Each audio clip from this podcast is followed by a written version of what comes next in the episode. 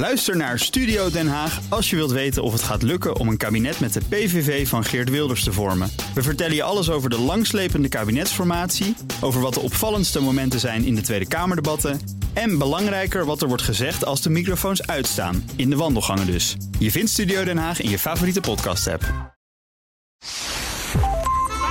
Houston, contact with a test one. Touchdown confirmed. Welkom bij Space Cowboys. Ik denk dat het aflevering 62 is. En ik heb een hele lijst mensen. Ja, precies. Welkom Thijs Roes. Hey, Leuk dat je er bent. En eh, meteen even de mededeling dat jij er maar even bent, want je bent ziek. Dus eh, dank voor je dappere eh, meedoen voor deze paar minuten. Dat is Ja, dankjewel. Ja, de, de- de- twee, twee van onze nieuwe eh, Space Cowboys zijn er. En eh, eh, de- Michel eh, van Baal die eh, valt in voor mij. Heel aardig, dankjewel. Dus ik, eh, ik ga er zo meteen weer even tussendoor. Maar ik wilde ook Erik Laan even verwelkomen. Dat vond ik gewoon ook eh, leuk om te doen. Ja. Dus hoi Erik en Michel. Hoi Thijs en beterschap. Hallo. Dankjewel. ja, coronatijden hè. Ja, het is geen corona, maar eh, ik, ik denk dat het Dat je. corona is. Het Ja. is veel te mild. Dat hoop ik. Ik blijf maar gewoon binnen. En, eh, dus ik ga ook niet naar mijn studio. Dus ik zit met mijn, met mijn AirPods op gewoon eh, even thuis. Oké, Nou, wil ik even een rondje maken. Dat verlengt jouw aanwezigheid iets, Thijs. Maar ik wil gewoon even van iedereen horen, voor de luisteraars, wa- waar we het allemaal over gaan hebben. Of beter gezegd, noem één voorbeeld. Michel, wat heb jij? Nou, ik wilde het eh, eigenlijk als belangrijkste even hebben over eh, Nauka en ERA. En dan zul je zeggen, is dat nieuws? Het antwoord is nee, en toch is het interessant. Oké, nou, intrigerend. Mooi, Erik. Eh, ja, ik wil het wel even hebben over de, de Chinese maanmissie, Chang'e 5. Leuk. Ja, hartstikke goed. Eh, Thijs, wat is eh, jouw inbreng zo direct? Nou, ja, ik heb een hele leuke kijktip. En eh, mijn debat met Kijktip. Michel over, over SpaceX en SN, eh, SN8, die de lucht in gaat, moet helaas op een later moment een keer wachten. Oké, hartstikke goed. En wat ik wil inbrengen is... Wat ik wil inbrengen is de instorting van de radiotelescoop van Arecibo. Waar spectaculaire, verbazingwekkende beelden van beschikbaar zijn. Dan zal ik straks ook eh, haar fijn uit de doeken doen. Overigens heb ik ook een grappig videootje van de, die Chang'e Chinese maanmissie. Dat komt ook straks verder, maar het heeft te maken met een vlag. Oké Thijs, eh, jouw kijktip. Ja, ik geef een kijktip. Nou, ik ga dadelijk weer onder de wol. En dan ga ik kijken naar of, of, of het SpaceX lukt, SpaceX lukt om de SN8 alsnog de lucht in te krijgen. We, ik ben wel, ben wel benieuwd, maar eh, wie weet, weet je wel, als mensen dit horen, is hij al, heeft hij al gevlogen of staat hij nog, staat hij nog steeds daar eh, te wachten tot hij weggaat. Ja. Maar mijn, spe- mijn, mijn kijktip gaat over Mars. Dat dan wel. Het, het, het, het spa- het spaceship van SpaceX gaat ook naar Mars. Als we daar eenmaal zijn, dan gaan we daar van alles doen. Mijn kijktip is Space Rip. Kennen jullie dat YouTube-kanaal ooit gezien? Space Ja, Rip. zeker. Ja. Ja. Lange documentaires over ruimtevaart. Lange documentaires En over ruimtevaart. Ik, ik heb hun ooit, eh, hun ooit bezocht. Ze zitten ergens een uurtje buiten New York. En eh, heel, heel leuk clubje mensen. En ik vond het op- opmerkelijk die, eh, die toko daar. Die draaide op het uploaden eigenlijk van oude films en oude videobanden waarvan zij de rechten hadden opgekocht. En met het geld dat ze daarmee verdienden, eh, kon, kon die, die baas daar zijn grote droom eh, eh, laten verwezenlijken. Wat, wat het maken van lange space documentaires is. Dus, en inmiddels heeft Space Rip echt honderdduizenden kijkers of zo na al die jaren. Dus ik mag hopen dat het daar eens een keer ook gewoon op de documentaire zelf kan draaien. Ehm, maar eh, eh, sowieso dat kanaal kijken als je het nog niet kent. Maar ze hebben recent een eh, mooie upload gehad. Het was Voyage of Curiosity. Ehm, eigenlijk het hele verhaal van, de- van, van Marslander robot Curiosity is goed uit de doeken gedaan. En nu, hebben mensen, ja, nu hebben mensen misschien het verhaal van Curiosity wel al, al regelmatig gehoord. Wat ik zo gaaf vond aan deze, was dat ze eigenlijk aan de hand van ook allerlei andere ehm, eh, eh, orbiters en, en robots die inmiddels allerlei wet- wetenschap hebben gedaan, een veel meer volledig verhaal konden vertellen over eh, Curiosity. Dus om gewoon even een paar kleine, kleine details eruit te halen. Bijvoorbeeld dat de sporen van Curiosity, die als Curi- Curiosity achterom kijkt en ziet waar die gereden heeft, en je ziet die sporen, kan je heel goed de echte kleur van Mars zien op de foto's. Dus eigenlijk is de, door alle ultraviolette straling en de dunne atmosfeer is eigenlijk Mars ontzettend gebleekt aan de oppervlakte. Maar, maar door het rijden, door dat stof, zie je dus eigenlijk wat voor een diepe bordeauxrode, ja, het is toch gewoon weer een aparte kleur, maar gewoon echt een hele andere kleur dan dat we eigenlijk normaal gesproken kennen van Mars, komt er onder vandaan. Ehm, Leuk. ja, maar bijvoorbeeld ook eh, dat de sporen die die achter heeft gelaten door alle Marsstormen, dat zie je dan weer door de Mars. ehm, eh, welke orbiter was het? De Mars Reconnaissance Orbiter. Die heeft foto's gemaakt, ook van de sporen die Curiosity gemaakt heeft. Wat echt een soort prachtige archeologische plek is. Maar alle Marsstormen hebben ervoor gezorgd dat die al langzaam weer eh, eh, bedekt zijn. Waardoor ze gewoon verloren gaan aan de tijd, om het zo maar te zeggen. Dus dat, ik ook wel echt, echt heel gaaf. Maar bijvoorbeeld ook dat, ehm, eh, dat er al, hoeveel waren het er? 400 eh, kleine kraters bij zijn gekomen sinds we foto's zijn gaan maken van Mars. Dus ehm, Wauw. 400 En die zijn ook echt gewoon, die hebben we bij wijze van spreken zien ontstaan. Die hebben we dus zien ontstaan inderdaad. En ook daarna weer via, door stormen alweer bedekt zien worden. Maar daardoor zie je dus dat het eigenlijk in de tijd dat wij naar Mars aan het kijken zijn... Het viel altijd met... We kwamen daar ooit aan en toen was het, oh shit, hij is dood. En dan vanaf het moment dat we eigenlijk hadden geconcludeerd, het is daar dood... is alles wat een beetje een soort van dynamiek geeft daar aan het landschap... natuurlijk super interessant om te zien. Ehm, en eh, ja, ik vond het echt dat de Spaceship dit weer super mooi in beeld had gebracht. Zo volledig en zo prachtig. Dus ik, eh, ik heb volgens mij nog, een, nog 20 minuten te gaan van het einde. Dus dat kan ik dan zo meteen lekker in bed nog even af. eh, nog even Als je niet afmaken. tegenhouden, dan blijf je er 20 minuten over lullen volgens mij. ja, dat is ook ja. nee, ik vond hem heel mooi. En ik had, eh, ik had, ik had speciaal even wat aantekeningen gemaakt eh, eh, om, eh, om nog even te delen. Trouwens, één, één, één laatste feitje nog dat ik dan uit die documentaire haalde. Wat, ehm, waar wij het in het verleden vaak over hebben gehad, is eh, eh, Planet de Planet Protection eh, Agency. Dus hè, dat het idee dat we wel moeten ervoor zorgen Ja. dat, dat we niks meenemen naar Mars als we daarheen gaan. Dat, ze hebben eigenlijk, eh, zijn erachter gekomen dat sommige eh sterilisatietechnieken, die ze ook op eh, Curiosity hebben losgelaten, dat ehm, ja, toch sommige vormen van organismes het kunnen, die kunnen overleven. Dus het zou zo wel kunnen zijn dat, eh, dat we het daar eigenlijk al besmet hebben. Dus, ehm, nou, Ja. nou Ja, er, sta- er staan ook meer eh, aardse objecten daar zo langzamerhand. Hè? Dus ja, eh, nou, zo steriel zal Mars ha- haast niet meer zijn. Nee, precies. Nou, dan laat ik het bij deze heerlijk aan jullie over en ga ik eh, lekker luisteren naar wat jullie allemaal te vertellen hebben vandaag. Dus Over Oké, al jullie nou onderwerpen. knap dan. Ja, knap heerlijk op. En eh, dan hopen we je in, eh, zo snel mogelijk weer in Space Cowboys tegen te komen. Misschien nog dit jaar, anders volgend jaar. Tot Oké, snel, hè. hartstikke goed. Beterschap Thijs, wat rustig. Beter- Dank je. Wetenschap, Doei. Wetenschap. Oké, nou, ehm, dan la- laat ik dan nu meteen het woord geven aan onze nieuwe kracht, Erik Laan. Eh, Ja. Welkom bij Space Cowboys, Erik. Welkom Dankjewel. Herbert. En ik zou, eh, nou, ik zou zeggen, barst maar los over jouw eerste onderwerp. Of mij. Nou, eerst eh, een nieuwtje. De, ik, ik las op Twitter een, eh, een bericht dat eh, de zon heeft weer een grote coronal mass ejection gedaan, een CME. Ja, En dat betekent dat we mogelijk in het noorden van Nederland poollicht kunnen zien. Vanaf morgenavond. Morgenavond, En dat dat is- altijd even belangrijk. Het is, vandaag dat we dit opnemen is 9 december, dus dan heb je het over 10 december. Ja, maar misschien ook al vanavond. Dus het was gisteren. Dus eh, hij doet er altijd even over om bij de aarde te komen, die, eh, die deeltjes. Dus ik zou ook, als je daar bent en het wordt vanavond helder, om misschien vanavond al te kijken. Dus of vanavond en morgen. Hè, meestal gaat er wel een dag eh, overheen dat je, dat je het kunt zien en zo. Dus, eh, dus Noord-Nederland eh, moet zeker even gaan kijken. Ja, Prima. Zeker op de Waddeneilanden wil het nog wel lukken. Ik- En eh, volgens mij ook een goede om dan eh, proberen om je camera een tijdje open te zetten. Want ik heb het eh, wel eens begrepen dat je het dan op, eh, op Ja. de camera beter kan zien. Ja, precies. Ik heb het zelf ook nog nooit gezien. Dus ik, dat staat nog op mijn lijstje. Om, dus ik, ik heb geen idee hoe je dat moet. ja, wat, je, wat je kunt verwachten, zeg maar. Ik heb ook alleen maar die filmpjes gezien, natuurlijk. van Noord-Zweden en zo. Maar ik weet niet hoe dat in Nederland is. Nou, meestal heel zwak. Ik heb het zelf één keer gezien in, eh, in Finland. En dat eh, toen ik daar was. Het was wel heel grijzig, maar het is dan eh, niettemin wel heel, ja, het blijft heel spectaculair om te zien. Oké, nou die is alvast binnen. Michel, jouw beurt. Ja, la- laten we beginnen met, eh, met, met klein bier, om het zo maar even te zeggen. Ehm, en dat is het feit dat de, de Royal Munt in Engeland... ehm, eh, twee dagen geleden een munt van David Bowie eh, naar de ruimte heeft gestuurd. Ehm, en uh, dan zou je zeggen, nou wat is echt fantastisch, maar uh, ik word er altijd een, een beetje kribbig van. Uh, zoals mensen die mijn Twitter volgen weten.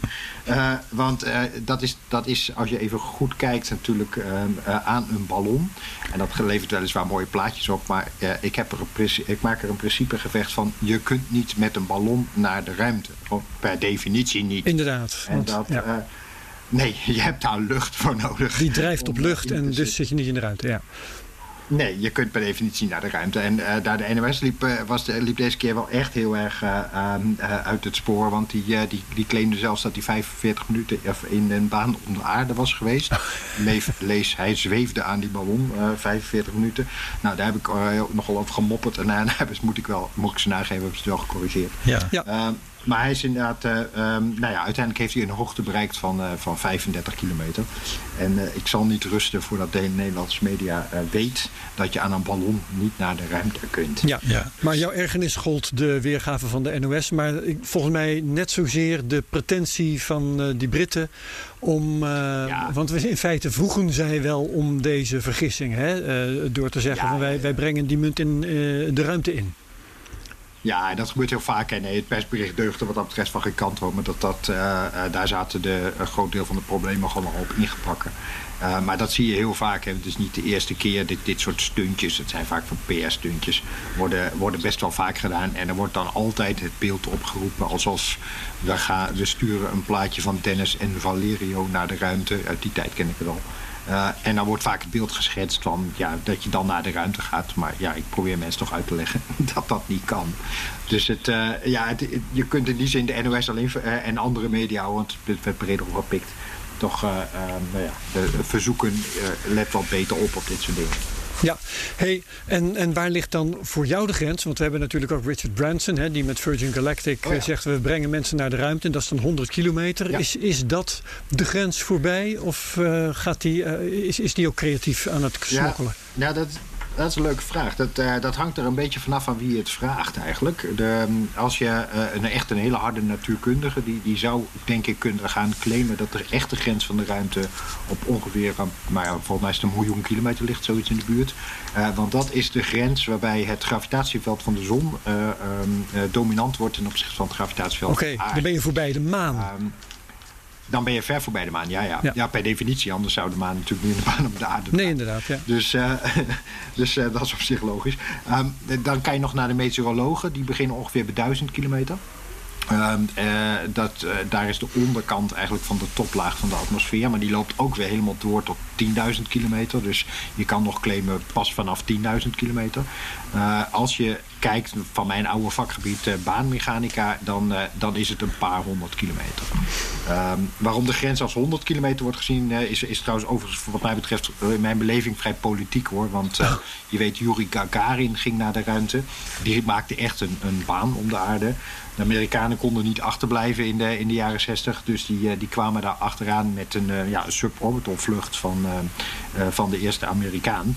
En die, die kwam niet hoger dan 100 kilometer. Dus herdefinieerden de Amerikanen de ruimte op 100 kilometer.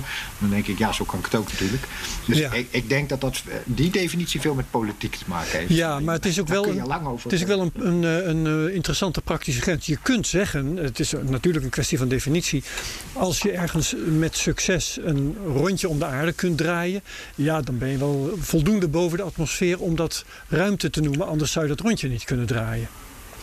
Nee, maar dan is 100 kilometer in ieder geval... Ja, één rondje lukt nog wel, maar 100, dat kan ook lager trouwens wel. Maar eh, dan is 100 kilometer voor stabiel een baan om de aarde... is 100 kilometer echt te laag. Dus je Ja. kan 200 kilometer is al, is al tricky. Weet je, dan, moet je al heel, dan moet je niet verwachten dat het heel lang duurt. 400 gaat wel, maar bij 100 ben je echt zo weer weg. Dus dat, dat is, uh, nou, als je het mij vraagt... gewoon vanuit hoe lang, waar kan je stabiel een rondje om de aarde draaien... 400 kilometer. Ja, en, en, en Erik, Erik, jij bent ook ruimtevaartingenieur. Ja. Ben jij het hiermee eens? Uh, nou, ik ben eigenlijk geen ingenieur. Ik ben een doctorandus, een natuurkundige. Dus, Oh, uh, pardon, maar- maar goed. ik, ook, ook eh, mooi. Maar ik weet wel, die 100 kilometer heeft zich wel uh, opgewerkt naar de juridische uh, definitie hè, van de ruimte. Dat onder de 100 kilometer heb je het over ja, luchtrecht. En boven de 100 kilometer heb je het over ruimterecht. Dat zijn echt, Mm. daar, daar is een wereld van verschil. Um, Maar ik weet ook, er is een, eh, een eh, vrij beroemde sterrenkundige in Amerika, Jonathan eh, McDowell. Die heeft een hele grote website waar hij alles bijhoudt wat er allemaal de ruimte in gaat. Die heeft ook onderzoek gedaan naar die grens van die ruimte. En die had ook een, nog een andere definitie bedacht. En die had gekeken naar eh, als je satellieten in de ruimte hebt in een baan op de aarde. eh, en die gaan aan re-entry doen. En wat is nou zeg maar het, eh, het, het, het, het zogeheten perigeum, hè, de, de, de kortste afstand tot de, tot de aarde, die zo'n satelliet toch wel een aantal keer kan volhouden voordat hij gaat, eh, aan zijn re-entry echt gaat beginnen. Ja. En hij kwam eh, toch wel iets lager dan 100, zo tussen de 80 en de 90 kilometer Hmm. uit. Dus, eh, Oké, oké, nou goed. Ja. Laten we hierover ophouden. En, eh, oh, ehm, niet om mezelf het woord te geven, maar ik ben wel aan de beurt. Zeker. Ehm, en, en om het dan ook een beetje te sturen, ik wilde even iets kwijt over ehm, die eh, Chinese maanmissie. Daar vandaan komen we wel bij een aantal andere dingen uit, denk ik. Ik kwam een hele aardige video tegen die ik in de show notes zal zetten. eh, waarin uit de doeken werd gedaan hoe eh, die satelliet een foto heeft kunnen maken van de maan met op de voorgrond een Chinees vlaggetje. Want die eh, satelliet, of satelliet is geen satelliet, het is een maanlander, die ehm, kan natuurlijk niet zomaar een vlag in de grond planten. En toch zijn ze erin geslaagd om zo'n foto te maken. En het was een eh, leuke video gemaakt door de Chinezen zelf natuurlijk. Eh, en ik hoop dus dat het allemaal waarheidsgetrouw is wat daarin wordt uitgelegd. Maar eh, ik had wel de indruk dat ze een ehm, mechaniek hebben ontworpen. Waardoor als dat ding eenmaal stond op de maan, dan kon er een, aan een armpje, zeg maar een robotarmpje, kon er een vlaggetje uitgeklapt worden. Een hele elegante, bruske beweging. Tjonk, daar stond opeens dat vlaggetje rechtop. en dat werd dus gewoon voor de camera gehouden. Terwijl die camera foto's van eh, de maan kon maken. De vlag voorgrond, maan op de achtergrond. En eh, ik vond het heel aardig. En ik vond het ook wel schattig dat ze die moeite hebben genomen. Want eh, ja, wat is dit eigenlijk anders dan gewoon, ja, je, je, je, je monteert in dit geval mechanisch eh, een vlag in beeld. Waarom zou je dit doen en niet gewoon digitaal een vlag in beeld monteren? Ehm, maar toch hebben ze deze moeite genomen en ik vond het eigenlijk heel aandoenlijk om dat te zien. Een hele geestige video van een paar minuutjes, dus ik zou zeggen, ga er even naar kijken. Je, je zou de vraag kunnen stellen: waarom neem je niet überhaupt die hele landing op in de studio? Maar dat ligt er een beetje gevoelig. denk ik. Ja, ik wou zeggen, want er zijn mensen die zeggen dat dat inderdaad is gebeurd eh, in eh, 1969 zelf. ja, ja, dat hebben ze ook over de Apollo-missies gezegd natuurlijk. Hè? Dat is precies wat ik bedoel. Ja, ehm, maar goed. Ja. ehm, eh, wat weten jullie verder op dit moment van het verloop van die Chang'e-missie, eh, Michel of Erik? Is er bekend wat, hoe, hoe die Eh, vordert? nou, ja, Want hij is onderweg ik weet in ieder geval, hij is nog in een baan, in een baan om de maan. Eh. En hij gaat zaterdagavond, dan is hij eh, in zo'n positie dat hij zeg maar de, de terugkeer naar de aarde kan, eh, kan gaan doen. En dan verwachten we eigenlijk ergens medio volgende week dat hij uiteindelijk de capsule waar die samples van, de, van de maan in zitten, 2 kilo aan, aan maanmonsters, is dat die vervolgens in Zuid-Siberië op Chinees grondgebied eh, gaan landen. Juist. Ja, nou goed, het is dus eh, tot nu toe succesvol verlopen. Hè? Ze hebben hun, Ja, eh, ja. hun vracht ruim kunnen volladen, als je het zo mag noemen, die twee kilo. En hij is opgestegen van het maanoppervlak en nu dus ja, in feite op weg terug. Ja. Ja, dat leuke wel vond ik van het opstijgen van het maanoppervlak.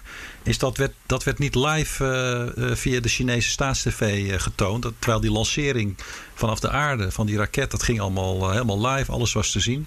Maar het moment dat die van de maan op zou stijgen eh, eh, terug, terug naar aarde, daar, daar werd helemaal geen, geen notie van gemaakt. Behalve tot het moment duidelijk was dat het gelukt was. Ja, En toen eh, was het ineens eh, groot nieuws. Terwijl Ja. ja, een aantal radioamateurs die konden dus vanaf de aarde met grote schotels.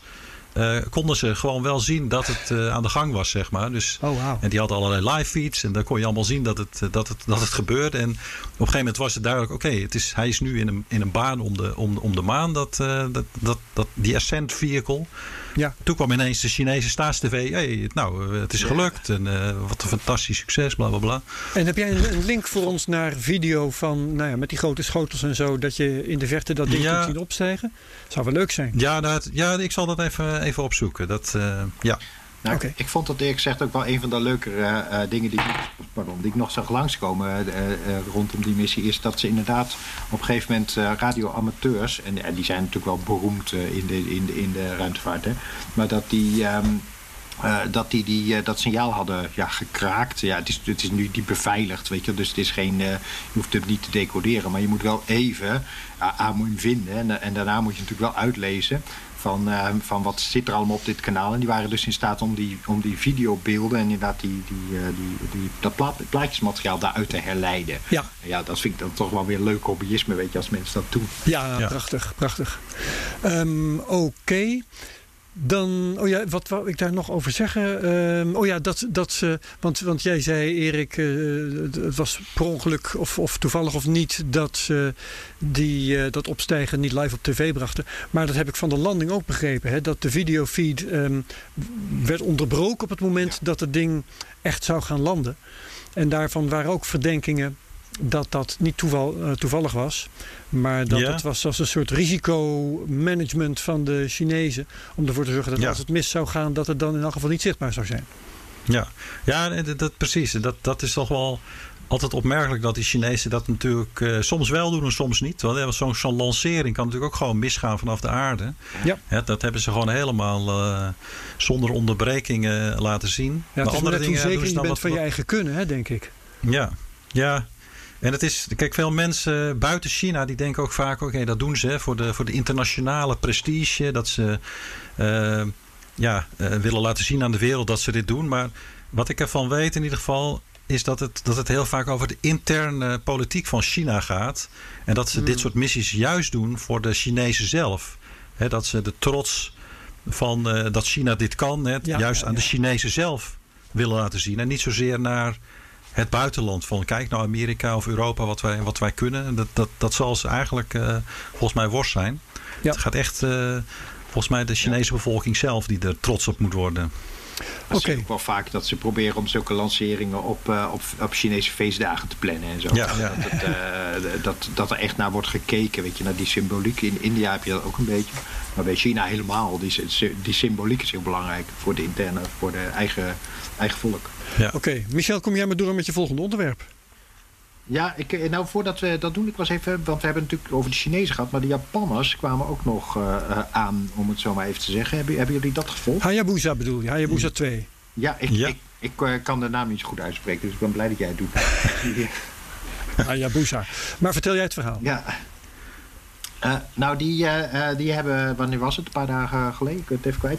Dat ze, de, de- dat ze inderdaad zijn geland te stof wat ze, eh, wat ze van die eh, komeet hebben opgehaald. En nogmaals, ik hoop dat jullie iets beter weten dan ik. weet. Asteroïde, hè? Eventjes streng zijn. Ja, Ja, asteroïden. Nee, daarom, ik hoop daar... Ryugu. oh, dat- ik ging ervan uit dat iemand het zou overpakken van me. Maar die eh, in Australië, in, in Australië is, eh, eh, is neergekomen. En inderdaad ook wel, dat heb ik wel meegekregen, vrij vlot is eh, teruggevonden, die capsule. Dus dat, eh, dat was natuurlijk ook wel een, afgelo- een hoogtepunt van de afgelopen dagen. Ja, en dat, dat is ook best in- inderdaad een, eh, een prestatie. Nou, ze zullen daar wel. Ik neem aan dat het ding een eh, radiobaken had of iets dergelijks. Maar eh, de capsule, 16 kilo, lees ik hier. eh, Die is inderdaad teruggevonden in de Australian Outback. Ik heb even niet bij de hand wat precies de geografische locatie was. Het bericht is van 8 december. in Physics World. Ik weet niet of dat ook echt de datum is dat dit is gebeurd hoor. Maar ehm, in ieder geval, dat hebben ze opgehaald, dat materiaal. Ja, en dat gaat nou geanalyseerd worden. Dus verder dan dit gaat het verhaal voorlopig niet. Of jullie moeten daar nog iets over weten te vertellen. Misschien Erik? ja, eh, misschien kan ik er nog iets aan toevoegen. Dat die Hayabusa 2-missie die ging in 2014 al de ruimte in. Dus hij heeft een reis Ja. gemaakt van zes jaar. Eh, en hij is ook nog. eh, er is ook een onderdeel van die Hayabusa 2, de mascot. Eh, dat is een lander. Die zat aan boord van die satelliet. Die is ook eh, losgelaten, zeg maar, op het oppervlak. En die heeft ook een landing gemaakt en ook foto's van dichtbij gemaakt en allerlei onderzoek gedaan. eh, op het oppervlak van die, van die eh, asteroïde Ryugu. Ryugu was het. Eh, ja, ja. Ryugu, ja. Ja. En ja, wat, wat veel mensen in Nederland niet weten, is dat ook aan boord van die mascot lander, dat er ook nog hardware zit die in Nederland gemaakt is door het het bedrijf Cosign. Eh, Dat zit in de buurt van, van Sassenheim. Oké. En die heeft eh, een aantal eh, eh, optische sensoren gebouwd. Die ervoor zorgen dat, ja, dat, dat dat apparaat zeg maar, goed op die asteroïde kon landen. En dat hebben ze in opdracht gedaan voor het DLR. En dat is de Duitse ruimtevaartagentschap. En die was zeg maar verantwoordelijk voor die hele mascot. dus die Hayabusa 2 was niet alleen een Japanse onderneming, maar ook een Duitse en ook Franse wetenschappers. Die hebben er ook druk aan, aan meegewerkt. Ja. En dus ook een Nederlands bedrijf. En ja, ik vind dat belangrijk om te noemen, omdat we in Nederland eigenlijk ook allerlei hele uh, vooraanstaande wetenschappers hebben op het gebied van planeetonderzoek. Alleen ja, in Nederland vinden we dat gewoon niet, uh, niet echt belangrijk, zeg maar, dit, dit onderzoek. Uh, dus ja, er gaat geen, gaat geen geld heen. En dus ja, dan, dan komt dat soort dingen ook niet in het nieuws. En dat, ja, dat vind ik altijd uh, bijzonder jammer. Want ik kijk altijd met ja. veel jaloezie zeg maar, naar dit soort missies. En al de mensen die eraan werken. En dan te denken, ja, shit, ik woon in Nederland. dit doen wij niet in Nederland, zeg maar. Ja, maar het is heel leuk om van jou te horen dat inderdaad een Nederlands bedrijf daar een bijdrage aan heeft geleverd. Want ja, het, het, zijn soms universiteiten, weet je wel. En technische universiteiten soms. Um, maar gewoon een commercieel bedrijf dat een leuk ja. onderdeel daarvoor levert. Dat is, dat is echt gewoon hartstikke leuk om te horen. Oké. Okay. Ja. Um, laat ik even een verhaal er doorheen gooien. Het is een, een continuing story bijna. Want we hebben het al verschillende keren gehad over de radiotelescoop van Arecibo. Op Puerto Rico. Die grote oh in de grond verzonken schotel. In een natuurlijke glooiing van het landschap is die aangelegd. Um, dat is een radiotelescoop waar van alles mee gedaan is in het verleden. Um, die zelfs ook door zijn mooie, uh, hoe zal ik dat nou zeggen, zijn mooie, het mooie plaatje dat hij oplevert in een James Bond film heeft mogen optreden en zo. Um, daarvan waren tot nu toe al twee kabels gebroken. Kabels die de ontvanger boven dat ding uh, op zijn plek hielden. En uh, wat is er nou van de week gebeurd? Ik wist echt toen ik het voor de eerste keer zag, wist ik niet wat ik, wat ik voor mijn ogen had. Um, de, het ding is namelijk definitief bezweken. Die ontvanger die daar in de hoogte hing. Terwijl er een drone zo op een paar meter afstand naast hing. Wat blijkt nou het geval? Ze, waren, omdat het veel te gevaarlijk was om dat ding nog op andere manieren na te kijken, waren ze per drone aan het inspecteren uh, hoe die eraan toe was. He, of dat nog reparabel was, of uh, wat, er het, wat het volgende ding zou zijn dat zou, gaan bezwijken. Ik weet niet precies wat, uh, wat de vraagstelling was, maar daar hing dus een drone om de boel in oogschouw te nemen. En terwijl dat ding dus hing, vlakbij de bevestiging van een van die kabels, zie je, uh, het ene moment zie je één adertje, want zo'n kabel is in elkaar gevlochten, ijzeren draad zeg maar even heel grof weg. Hè. Eén adertje zie je springen, dus een stofwolkje stijgt erop. En direct daarna zie je die hele bevestiging van die kabel losschieten. En er zwaait van alles uit beeld. En ze laten die drone opstijgen, want die moet natuurlijk in veiligheid. En uh, ja, zo zie je uh, met dat nieuwe shot dat die drone dan heeft vanuit een iets hogere positie, zie je de hele zaak naar beneden storten. En ook zo'n zware kabel neerkomen op die schotel. En dan zie je ook alsof er, nou noem eens wat, een, een zware ketting op een ijsoppervlak terechtkomt zie je een, zo'n, de vorm van die kabel zie je meteen uitgeslagen worden in die schotel. Echt een, een ja. bizarre video. Het duurt eigenlijk maar een paar seconden. Maar ja, dat je zoiets in beeld hebt en dat je dat over de wereld kunt sturen, het is echt niet te geloven. Ik vond het verbazingwekkend. Ik moet ook wel zeggen, Herbert, dat mijn eerste gedachte, als ik dan toch in de complotsfeer zit uh, per ongeluk, ja. was wel dat ik me even af, uh, afvroeg, zou ze het met opzet gedaan hebben? Ik, ik denk het overigens niet hoor, maar, maar je, je vraagt het je wel af. Weet je, die drone ding, daar zo mooi. Dat je denkt, ja. uh, en je weet, het, het, hij moet toch een keer naar beneden. Dat, dat was ook, lijkt me onvermijdelijk. Dus je moet die kabel toch een keer doorsnijden, vrees ik. En, uh, dus ik zat me af te vragen, zou ze, zou ze het bewust gedaan hebben? Maar het, het had bij wijze van spreken gekund, ja. maar ik, ik vond het dus een, een heel bijzondere gewaarwording dat je eerst één zo'n adertje ziet ja. springen. Het is echt die, die kabel die het niet meer trekt. En één onderdeeltje ervan knalt. En daarna knalt het geheel. Ik, ik denk niet dat je het in zoveel detail in scène had kunnen zetten. Nee. Um, ik, ik heb zelf met de gedachte gespeeld, moet ik eerlijk zeggen. Het zal toch niet zo zijn geweest dat de luchtverplaatsing van die drone dat ding kapot is gemaakt. ja, dus de straw that broke the camel's back, de druppel die de emmer doet overlopen. Je kent dat wel. al die beeldspraak. Meestal is, meestal is de beste verklaring meestal stom toeval. Maar dat zal hier ook Ja, wel weer ja, spelen. je moet geen ingewikkelde verklaring zoeken waar een moeilijke, of sorry, waar een eh, eenvoudige ook eh, kan. En er was nog een andere hypothese trouwens. En er waren bepaalde seismische trillingen op het moment eh, dat dit gebeurde. Dus er, er waren ook nog wat veronderstellingen dat die misschien een handje zouden hebben geholpen. Maar dat is ook in de sector speculatie hoor. Ja, nou ja, hij was al passé en nu is hij helemaal... eh, Hij, hij was al irreparabel verklaard. Dus nou, dat is hij nu inderdaad helemaal. Ik ben benieuwd of ze er nog van wat er over is nog een monument eh, maken. Het zal wel eh, makkelijker zijn daar in de jungle van Puerto Rico om het te laten liggen dan om het weg te halen. Dus wie weet is het nog een plek waar je nog eens heen kan gaan als toerist om je eraan te vergapen. Oké. Ehm, als niemand daar meer iets over weet, dan zou ik zeggen, Erik, wat heb jij nog? Ehm, ja, ik zag ook nog op Twitter, eh, dan gaan we weer terug naar de maan, eh, is dat de Israëli's eh, ook weer terug naar de maan willen in 2024. Eh, ze hebben, ik meen vorig jaar, de zogeheten Bereshit. Ik weet niet precies hoe je dat uitspreekt. Laten we het zo houden. eh, ja. Lander. Kun je natuurlijk al leuke grappen over maken, maar dat doen we even niet. Eh, dat was wel een, een landings, een landingspoging gedaan op de maan. Maar dat is toen ja, niet helemaal goed gelukt. Eh, maar ze gaan het dus eh, nog een keer proberen. En eh, ja, dus 2024 gaan ze ook weer, weer terug naar de maan. Heel dat zag ik nog even langskomen op, op Twitter. Ja, ja. ja, ja.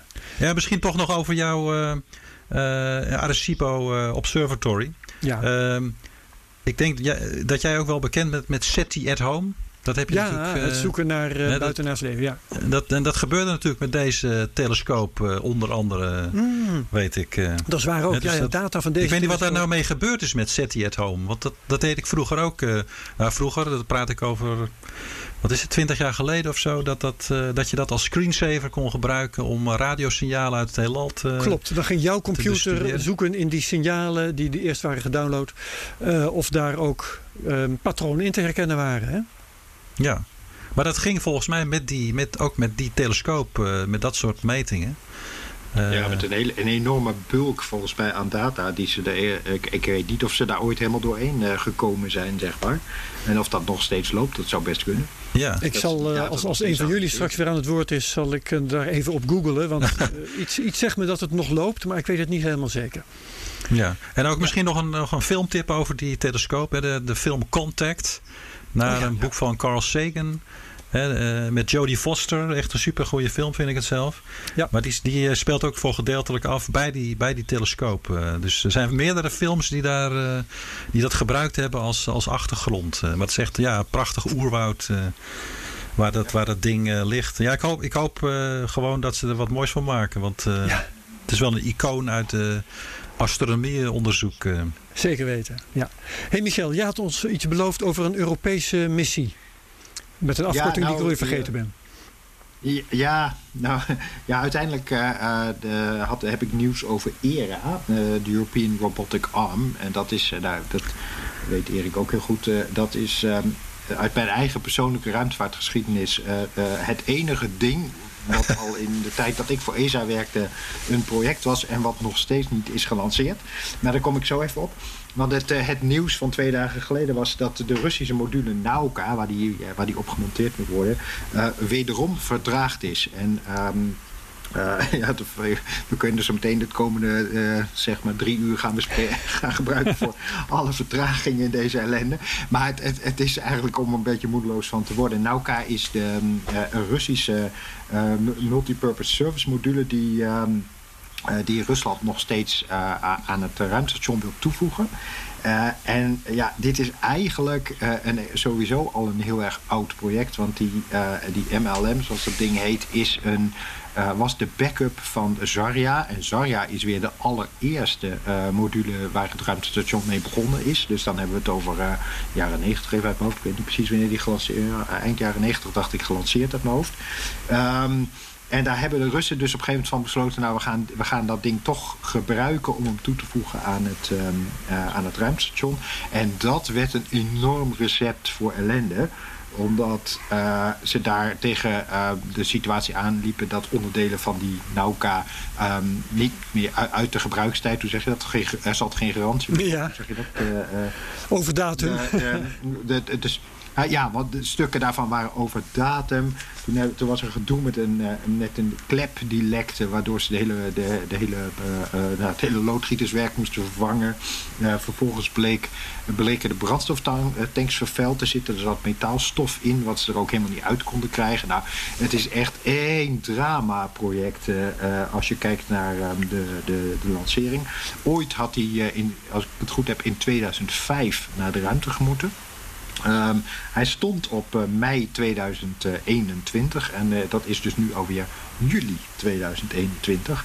Nou, en dan kan je zeggen, wat kan ons dat schelen? Nou, toch een beetje vanuit het, eh, de, de- het Nederlandse hart dus. Op die, op die module wordt meegelanceerd de European Robotic Arm. En dat is Nederlands fabrikaat.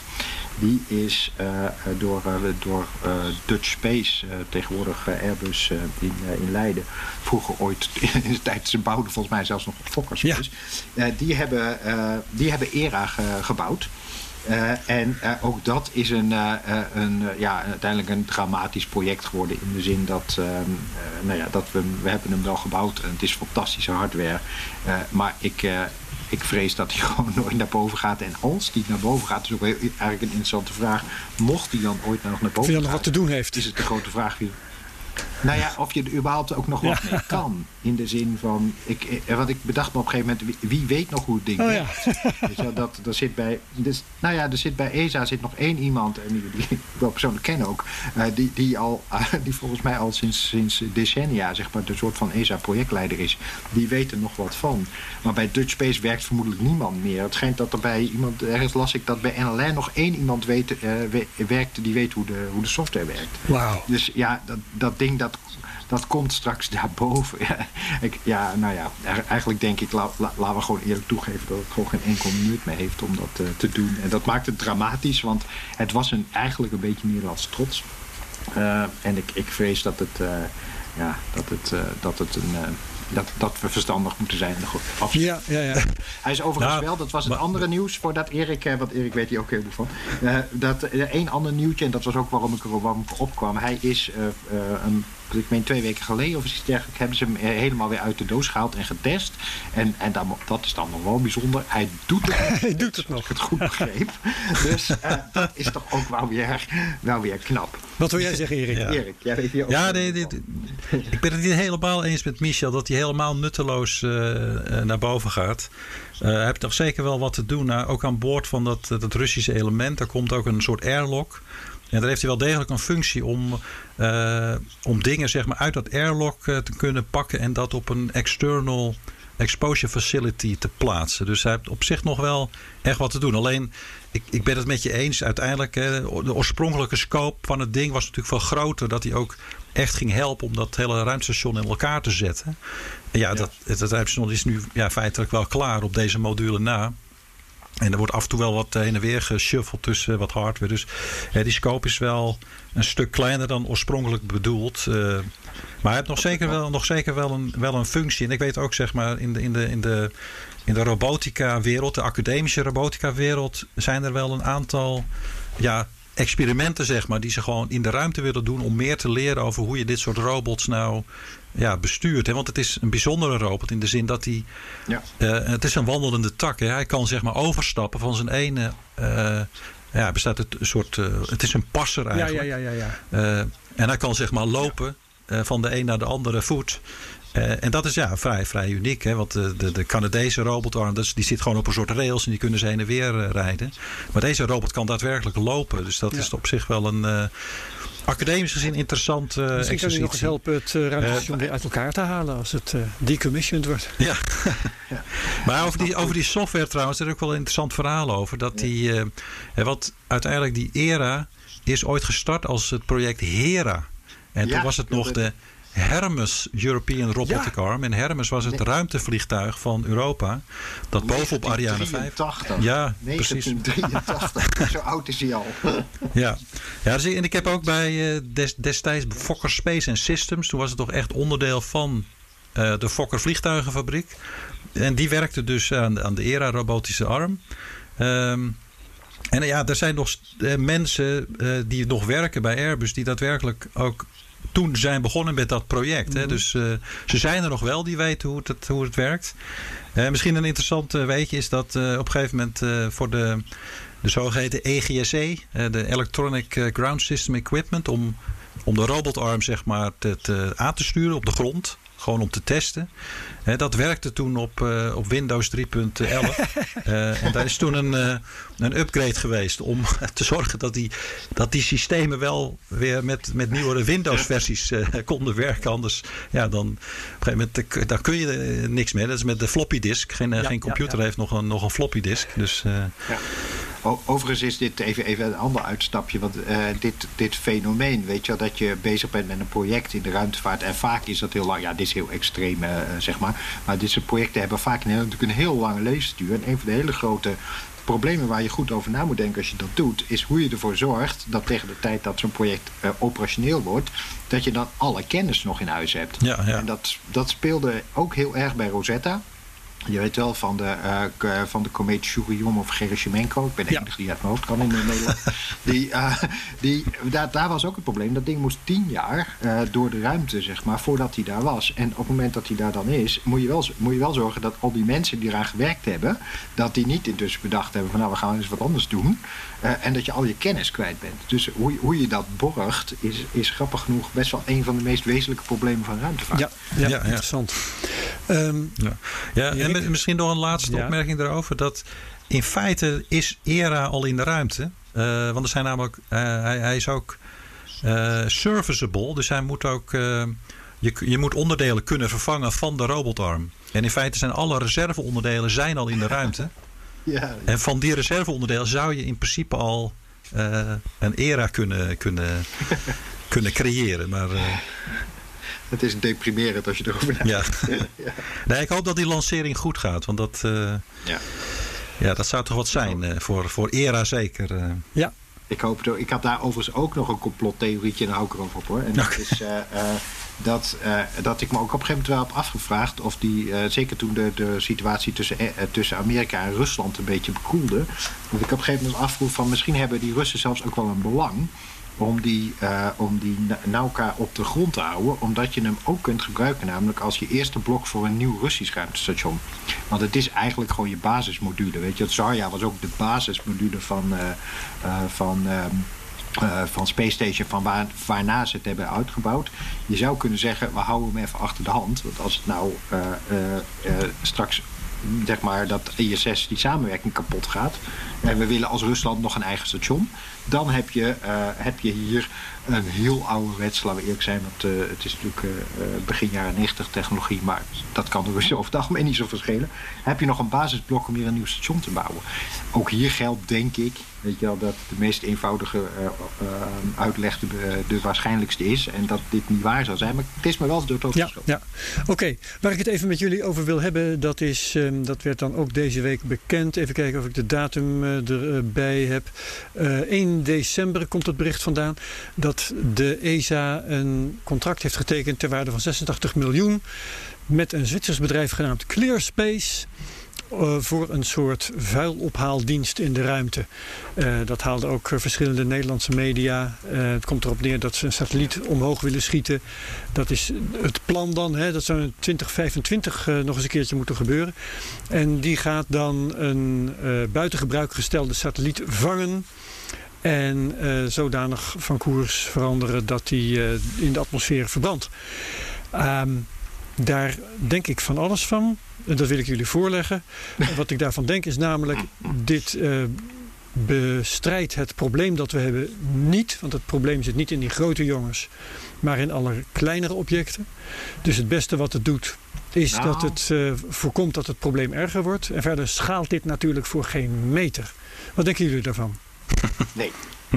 Nou, nou, dat eerste, daar, ben- daar, ben- daar ben ik. eh, eh, ik denk ook dat het niet zo heel zinvol is dat je beter eh, kunt voorkomen om dat, je, dat, je, dat je debris krijgt. Dat betekent dus in die zin zijn herbruikbare raketten van. Bijvoorbeeld. Een supergoed idee. Ja, en, en, en opruimbanen Dus- en zo waar je de dingen heen schiet. En satellieten zodanig uitrusten dat ze zichzelf kunnen afremmen. Dat ze in de atmos- atmosfeer terugvallen en zo. Die dingen. Ja, dat, en, maar ook zorgen dat als jij beschermkleppen kleppen hebt op optische instrumenten, dat, dat je die, die werden vroeger natuurlijk gewoon uh, afgesloten en dan kwamen ze in een eigen baan terecht. Dat je dat soort dingen bij je moet houden, weet je, dus dat, uh, dat dat bij de satelliet moet blijven. Dat is denk ik veel effectiever. Enige puntje is wel wat jij zegt, die, kijk, die grote jongens, je hebt gelijk, het, het, het probleem zijn vaak is uiteindelijk het kleine grut, maar het, het, het is natuurlijk wel zo dat, dat die grote jongens, als je niks doet, uiteindelijk heel veel klein grut worden. Hè?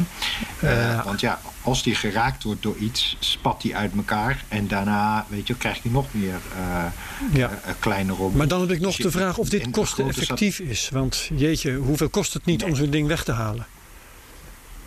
Ik uh, heb dezelfde twijfel, maar ik ben benieuwd wat Erik vindt. dat, nou ja, ik deel die twijfel. Ja, de, de business case uh, om uh, dingen op te ruimen, ja, die is er gewoon helaas niet. Hè? Nee. Want we, eigenlijk, ja, dat, dat, dat zit niet in de. Uh, of dat zat niet in de prijs inbegrepen eigenlijk uh, in het verleden. He, dat, dat satellite operators ook nog eens zouden moeten betalen om, het, om hun troep op ja. te ruimen. Ja, dat, daar, daar is eigenlijk decennia lang niet over, over nagedacht. En ja, nu zitten we hiermee. En ja, doe er maar wat mee. Dus ja, kijk, op zich, ik, ik juich altijd dat soort initiatieven toe om, de, om, om dingen te gaan doen. Om dit probleem en dit groeiende probleem ook, ook, ook op te lossen. Uh, alleen ja, je, je, redt het niet, zeg maar, nee. als je alleen maar uh, dingen, dingen, gaat, dingen gaat weghalen. Dus ja, ik, ik zit ook wel eens te kijken naar ideeën van her, herbruik. Uh, herbruikbaarheid van ook dingen in orbit. Dat je niet alleen daarheen gaat en dingen weer terugsleept naar aarde. Maar dat je dus ook daadwerkelijk allerlei dingen weer herbruikt voor. en dat je bijvoorbeeld allerlei allerlei oude satellieten naar een soort depot brengt. Waar je dingen weer opnieuw kan, kan gaan bouwen. Alleen ja, dat is natuurlijk een soort uh, verre toekomstmuziek. Hè, of voordat je zo'n uh, zo'n zo'n ruimte-economie hebt, dat je, dat je echt ja. gebruik gaat maken van hardware die al in de ruimte is en dat je er een nieuwe satelliet van gaat een soort, maken. Een ja. marktplaats, dan gratis je, af te halen. Precies. oude telecom, ja. telecomsatelliet. en, en energetisch ook, energetisch ook ja. wel lastig. Hè? Want als ja. je niet in dezelfde baan zit, dan, is dat nog, uh, dan klinkt dat logisch, maar, maar daar is het niet. Ik ja. ben overigens wel, um, dit, zou je dit specifieke fenomeen wellicht wel goed kunnen gebruiken voor de geostationaire baan. Hè? Want dat, ja. daar heb je natuurlijk wel het probleem dat je slots hebt waar satellieten eigenlijk ogenschijnlijk vast op een vaste plek boven de aarde om de aarde heen draaien. Als die buiten gebruik zijn, uh, dan wil, is het wel heel fijn als je ze daar kan weghalen. Nou, tegenwoordig is het volgens mij wel standaard verplicht dat je dat zelf doet. Uh, maar als je daar, stel er gaat iets kapot, een soort sleepbootje hebt wat zo'n ding kan oppikken. Ja. En een paar honderd kilometer verder wegzetten zodat we er geen last meer van hebben. Uh, dat is een businessmodel waar ik wel ja. heb. Ja, nee, ik weet, en Northrop Grumman heeft zo'n missie gedaan met uh, Intelsat. Dat ze zo'n satelliet weer op, opnieuw hebben bijgetankt. En, ja. en zo'n zo satcom weer, weer operationeel heeft, heeft weten te krijgen. Dat, dat zie ik ook wel als, als toekomstmuziek. Alleen de issue met die geostationaire baan is dat daar is eigenlijk niet dat debrisprobleem. Nee. Daar, want ja. het is zo, de ruimte is zo groot en ja, daar, daar zit, zit maar één satelliet uh, in een enorme box van, uh, wat is het, 50 bij 50 bij 50 kilometer. Ja, ja was er nog wel een paar meer. Leger dan een atoom. En ze bewegen allemaal dezelfde kant op. Hè? Ja. Dat, maakt, dat, uh, dat uh, scheelt ook een heleboel. Dus de onderlinge snelheid is niet ja, zo groot. Ja, dus ja, als het dan een keer in aanraking komt, krijg je niet meteen die enorme explosie als het ware van puin. Die je hebt op het moment dat iets met 28.000 kilometer van links iets raakt wat met 28.000 kilometer van rechts komt. Want dat is wat er in lage baan gebeurt. Ja, en dat, dat is leuk in, die, in de film Gravity. Ik weet niet of jullie die gezien hebben met Sandra Bullock. Ja. daar, daar krijg je dat ook dat uh, probleem van oké, okay, er is debris, maar dat in de film doen ze alsof dat ook hè, een telecom-satelliet is nu geraakt. En die, ineens vliegt die rommel ineens langs het uh, International Space Station. Hè, daar, daar zit natuurlijk een orde van grootte. International Space Station op 400 kilometer. En het, die geostationaire baan op 36.000 kilometer. Hè, dus bijna 100 keer zo hoog. Hè, dus dat hele beeld van waar hangen nou... Uh, waar is nou het probleem met het orbital debris? Uh, ja, dat is echt op die, op die, lage, die lage aardbanen. Ja. Ik heb me daar echt twee uur, twee uur heerlijk. Ja, ik ook. ja, mijn favoriete scène is als Sandra Bullock op een gegeven moment toch uh, in het ruimstation weer komt. Oh, ja. En dan in, in 26 seconden, ik heb ze geteld, 26 seconden doet ze haar uh, uh, IVA-pak uit. Ja. dat is in de praktijk hoe en, lang? Ook weer? 20 ja, dat duurt uh, twee uur. Nee, twee, twee uur. uur. Twee uur, ja precies. ja. Twee uur. Ja, oké. Heel mooi. Uh, we moeten het in ieder geval nog hebben over SN8. De laatste versie van Ja, SN8, het uh, ja. spaceship van SpaceX. Um, waarvan ik weet dat, uh, dat die um, gisteren of zo gelanceerd zou worden. En dat een seconde voordat de motoren zouden ontbranden, de procedure is stilgelegd. Ik weet niet waarom. Weet jij meer, uh, Erik? Ja, ik heb ook uh, de, de livestream gevolgd en ik heb hem uh, vanaf, wat is het, smiddags om een uur of drie aangezet. Maar toen, het, het gebeurde pas, meen ik, half twaalf s'avonds. Dus ja, dat... ik heb niet de hele livestream, de saaie livestream gezien. Maar ik heb op een gegeven moment, heb ik hem aangezet, toen anderhalve minuut zou die omhoog gaan. En toen was er anderhalf seconde voordat dat die, dat die omhoog ging de, de Raptor engine, was er een abort. Mm -hmm. Ik weet niet wat er precies gebeurd is met die, met die engine, maar hij ging niet omhoog. Nee. Oké, okay, dus dat is, dat is eigenlijk. Heel, ja. Weet jij meer, Michel? Nee, ik, nee, weet ik okay. ook niet. En dat vind ik ook altijd wel een beetje jammer aan, uh, aan, de, aan de, de nieuwe wereld in de ruimtevaart. Hè? Dat je bij SpaceX is, een, is een, een, een heel erg gesloten bedrijf die alleen maar naar buiten brengt wat zij vinden dat naar buiten ja. moet. Uh, dat was, uh, um, uh, en als ze een NASA-missie doen, dan ligt dat natuurlijk anders. Weet je, dan hebben ze ook de NASA, heeft ook een verantwoordelijkheid, dus dan, dan zie je meer. Maar als, als SpaceX iets wil vertellen, doen ze het. En als ze het niet doen, dan doen ze het niet. En dat, je moet altijd maar weer afwachten wanneer je wat hoort. En dan moet je in alle eerlijkheid ook nog maar afwachten of het waar is. Dus dat.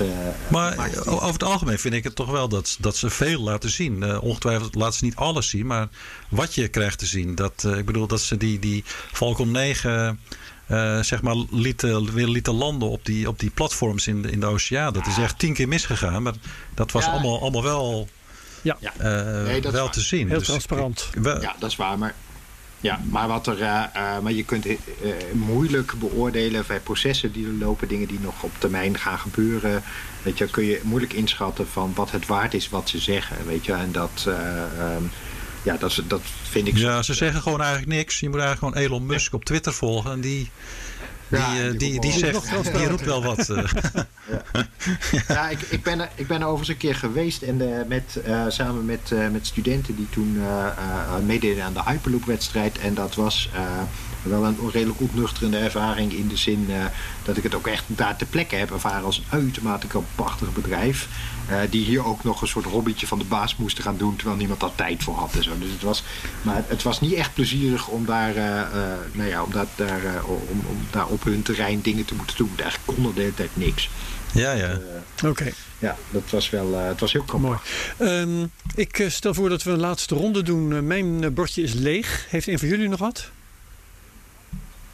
Nou, kunnen we het nog even over, wat was het ook weer, 2020 SO? Uh, wat is dat ook weer? Leg uit.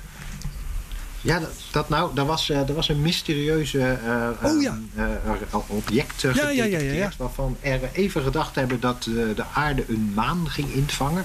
Dat is overigens best wel bijzonder, want en dat heeft een beetje met de stand van de planeten te maken. de aarde heeft niet zoveel reisgezellen, dit in tegenstelling tot Jupiter, die een, een enorme clubs van zogenaamde Trojanen in dezelfde baan heeft zitten. heeft de aarde daar precies één van, voor zover we weten. Ja. En er, um, er dreigde dus weer een, uh, nou ja, een, een maandje te vangen. Uh, maar intussen hebben ze toch wel met vrij grote zekerheid vastgesteld dat het een rakettrap is. Een, een Centaur van. en die is van de. Wat was Surveyor het, 2, geloof ik, 1966. Surveyor 2. Uit 1966. Ja, een, een maanmissie. Ja, een maanmissie die is mislukt. Waarbij de rakettrap als het ware is nou ja, eigenlijk doorgeschoten voorbij die 1 miljoen kilometer waarde waar we het eerder over hadden. Waarbij die eigenlijk in een baan om de zon terechtkomt. Alleen willen dat soort banen, omdat dat, uh, omdat dat zo dicht bij de aarde zijn, heel af en toe wil zo'n object dan weer terugkomen. Uh, en en in een, toch weer een tijdje in een baan om de aarde terechtkomen. Nou, dat wordt hier ook verwacht dat hij een tijdje in, in onze buurt weer om de, in het zwaartekrachtsveld van de aarde blijft om er dan weer uit te schieten. Het grappige is, we hebben er nog zo een. Uh, Apollo 10, de, de, de, bovenste trap van, uh, van de Saturn. Die uh, is ook aan de aarde aan het, aard, uh, het aardgravitatieveld ontsnapt. Dus het is niet voor de eerste keer, maar het blijft toch leuk dat je dan na een jaar of weet ik veel, uh, wat zitten we, 40, 50, zo'n ja. uh, zo man-made ding weer terug, weer, terug ziet komen. Ja, het mooie aan het verhaal Ja. vond ik dat eerst dus werd gedacht inderdaad dat het een asteroïde zou zijn. En toen zijn ze de baan terug gaan volgen. Ja, die kwam toch wel geregeld dicht bij de aarde. En uiteindelijk eh, terug in die baan terugvolgend tot 1966 was het zo dicht bij de aarde dat ze eigenlijk alleen maar konden concluderen dat die eh, daar ook vandaan kwam. En eh, overigens is dat bevestigd niet, want, want het was een theorie op grond van dit gegeven, van de- de- die, die berekeningen. Maar de bevestiging komt, voor zover ik het begrijp, van eh, waarneming aan de kleur van het ding. Dus hij heeft een dusdanige kleur dat ze uiteindelijk moeten aannemen dat het niet nou ja, iets rotsachtigs is bijvoorbeeld, maar gewoon een metalen ding met verf erop. Ja, en ik begreep dat hij ook oscilleerde. Dus omdat hij draait, weet je dat er licht ook in een bepaald patroon, als het ware, scher- helderder en Oh, dat kan ja. helder werd. En dat, eh, en dat ze daar ook aan konden opleiden dat hij Een waarschijnlijk langwerpige sigaar. cilindervormig was.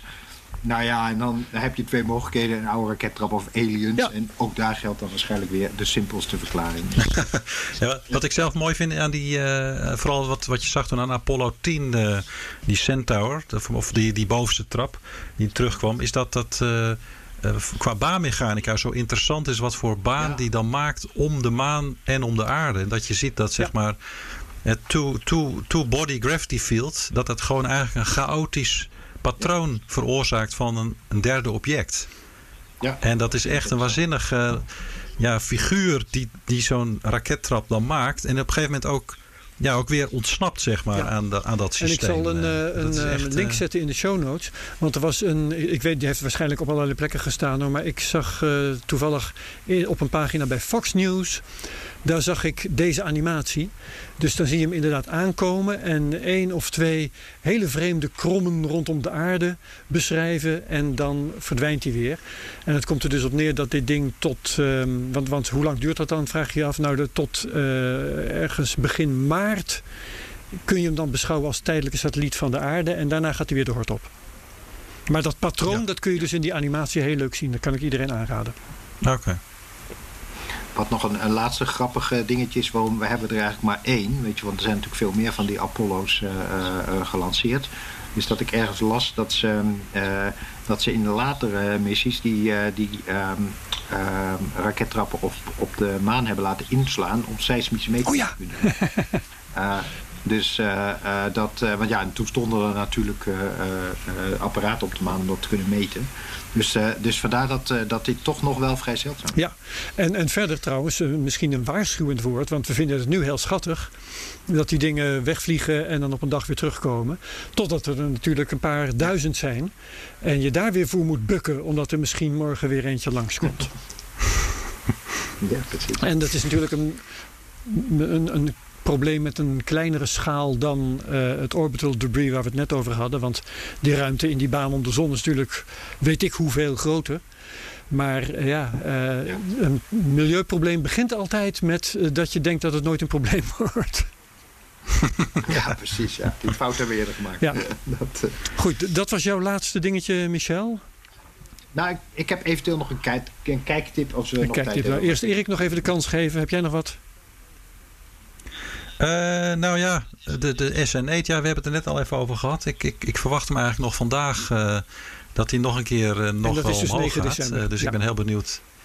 Dan Ja. weten de luisteraars dat al, want die horen dit waarschijnlijk pas in meerderheid op 10 december. Oké, die ja, natuurlijk. Maar wie weet dat het to- toch weer misloopt. En, enfin. Maar goed, op de avond van 9 december waarschijnlijk nog een, een tweede poging. Goed. En jouw kijktip, Michel. Ja, ik was eh, de, eh, op Netflix eh, de serie Alien Worlds aan het, aan het kijken. Die werd, ja, ik, ik weet niet of dat bij iedereen zo is, maar hij werd bij mij nogal gepusht. Kan natuurlijk ook met mijn specifieke Ja. belangstelling te maken hebben. Gepersonaliseerde dingen. Ja. Dat zal. Ja, de, ik, ik denk dan dat de gemiddelde luisteraar van deze podcast dat eh, ook een grote Ja. kans heeft dat hij hem gepusht heeft. Die, dat, eh, maar dat is een serie waarbij ze, eh, waarbij ze ehm, kijken naar hoe, hoe leven zou kunnen zijn op andere planeten. En dat is toch wel grappig vanuit ons perspectief, omdat ze heel spe- specifiek een aantal sterren- en planeetcombinaties hebben, hebben gekozen. En dan op basis van aardse parallellen, dus het, het is ook voor een deel evolutiebiologie, een pracht, je moet op groot scherm zien, prachtige beelden. Op, eh, uh, evolutiebiologie kijken van nou, dit is wat er in zo'n specifieke setting op aarde vergelijkbaar is. En hoe zouden we dat dan kunnen vertalen naar een, naar een compleet planeet met een compleet andere uh, nou ja, situatie, orbit. Um, en nou ja, omstandigheden. En hoe, hoe zou leven daar dan uit kunnen zien? dat idee is best wel sterk. Heb gemengde gevoelens. Het na, grote nadeel wat ik er wel van vond is dat, uh, uh, dat ze de. Ze hebben daar mooie animaties van gemaakt, van dat leven op die planeet. Je ziet alleen de hele tijd dezelfde animatietjes terug. weet je wel? Dus op, op een gegeven moment denk ik, ja, dit shot dat ken ik nou wel. Ja. Dus het is een beetje jammer dat ze het net even iets te goedkoop hebben gedaan. Dat, dat, dat gaat op een gegeven moment een beetje wringen. Nou, het zijn maar vier afleveringen. Ik heb er drie gezien. Het is toch wel de moeite waard. Alien Worlds op Netflix. Goed zo. Nou, um, dan zijn we aan het eind gekomen. Prachtig, uh, 59 minuten hebben we erop uh, zitten. Dus ik wil jullie danken. Erik Laan, um, jouw bedrijf heet Ion Orbit. ionorbit.com, ja, wat is het ook weer? Com. Ja, ionorbit.com. En Michel, jij bent, uh, wat is het weer, hoofdcommunicatie, als ik me niet vergis, bij KNMG. En ernstig verdwaald renteadviseur. Ja, goed dat je dat er even bij zegt. Mijn naam is Herbert Blankenstein. Dit was Space Cowboys voor deze keer. Bedankt voor het luisteren en heel graag tot over twee weken. Dag allemaal.